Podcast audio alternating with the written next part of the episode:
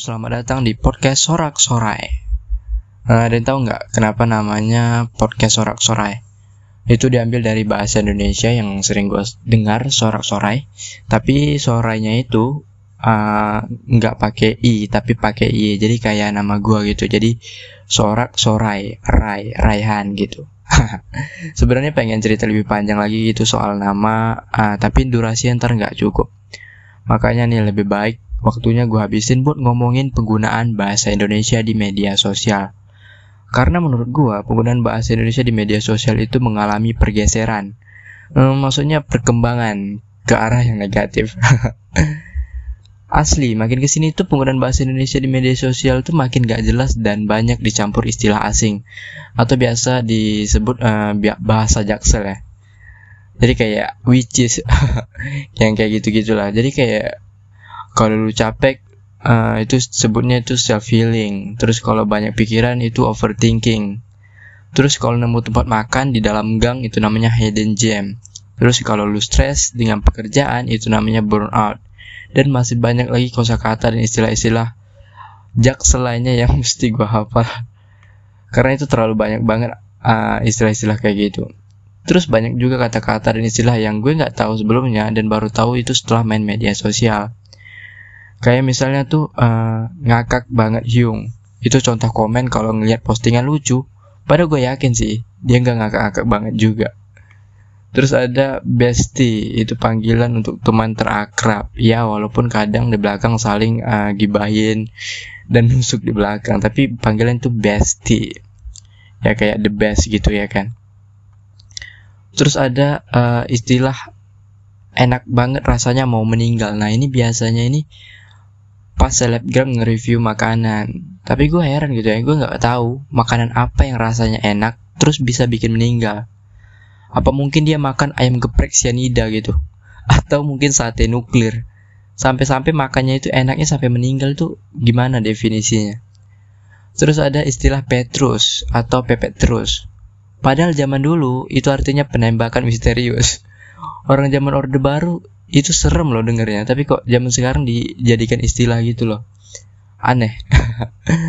Terus ada TBL yang baru-baru ini jadi viral yang artinya takut banget loh.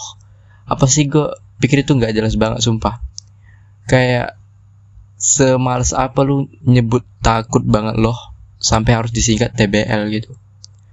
Terus yang terakhir ada jujur li ini sih yang paling ganggu kayak nggak cocok banget gitu kayak buat lo yang pernah pakai jujur li please nggak usah temenan sama gue.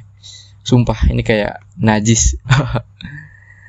Tapi ya sebenarnya itu sah-sah aja. Karena di bahasa Indonesia itu punya tiga jenis seragam bahasa. Formal, semi formal dan non formal. Nah, yang ada di media sosial dan yang gue pakai sekarang itu jenis ragam bahasa non formal dan itu sesuai pada tempatnya. Karena bukan tempat yang resmi. Jadi kayak di pergaulan di teman-teman lu di media sosial ya sewajarnya itu ya make ragam bahasa non formal nggak mungkin juga lo di media sosial pakai bahasa yang resmi dan baku gitu. Karena ya itu tadi media sosial itu bukan tempat yang formal dan resmi kecuali media sosial kayak WhatsApp. Nah itu penggunaan bahasa Indonesia-nya bisa disesuaikan gitu. Terutama lu misal ngobrol atau ngechat dosen nah nggak mungkin kan pas lu ngechat dosen lu ngetik kayak Hai bestie, mau nanya nih, hari ini ada kelas nggak ya? Kalau nggak ada, gue mau self healing dulu nih ke tempat hidden gem. Coba aja lu uh, ngetik gitu kalau nggak dicoret dari absen dan dibilang mahasiswa kurang ajar ya kan? Makanya kalau ngechat dosen itu ya harus pakai bahasa Indonesia yang ragam formal.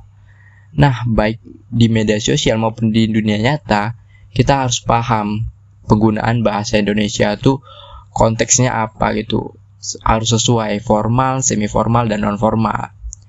Khususnya di media sosial, istilah bahasa Indonesia baru itu akan terus bermunculan dan pastinya nggak bakal ada habisnya.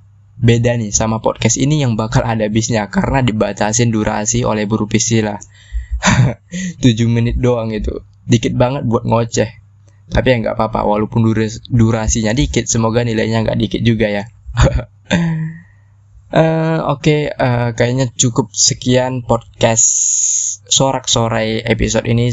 Semoga kita semua dapat IPK sempurna. ya mungkin nggak bisa ya uh, IPK 4 paling tidak 3,9 ya susah sih susah sih yang penting uh, apa ya yang penting kita bisa lolos di matkul keragaman kemahiran bahasa Indonesia ini. Sampai jumpa di episode sore-sore berikutnya. Makasih, bye-bye.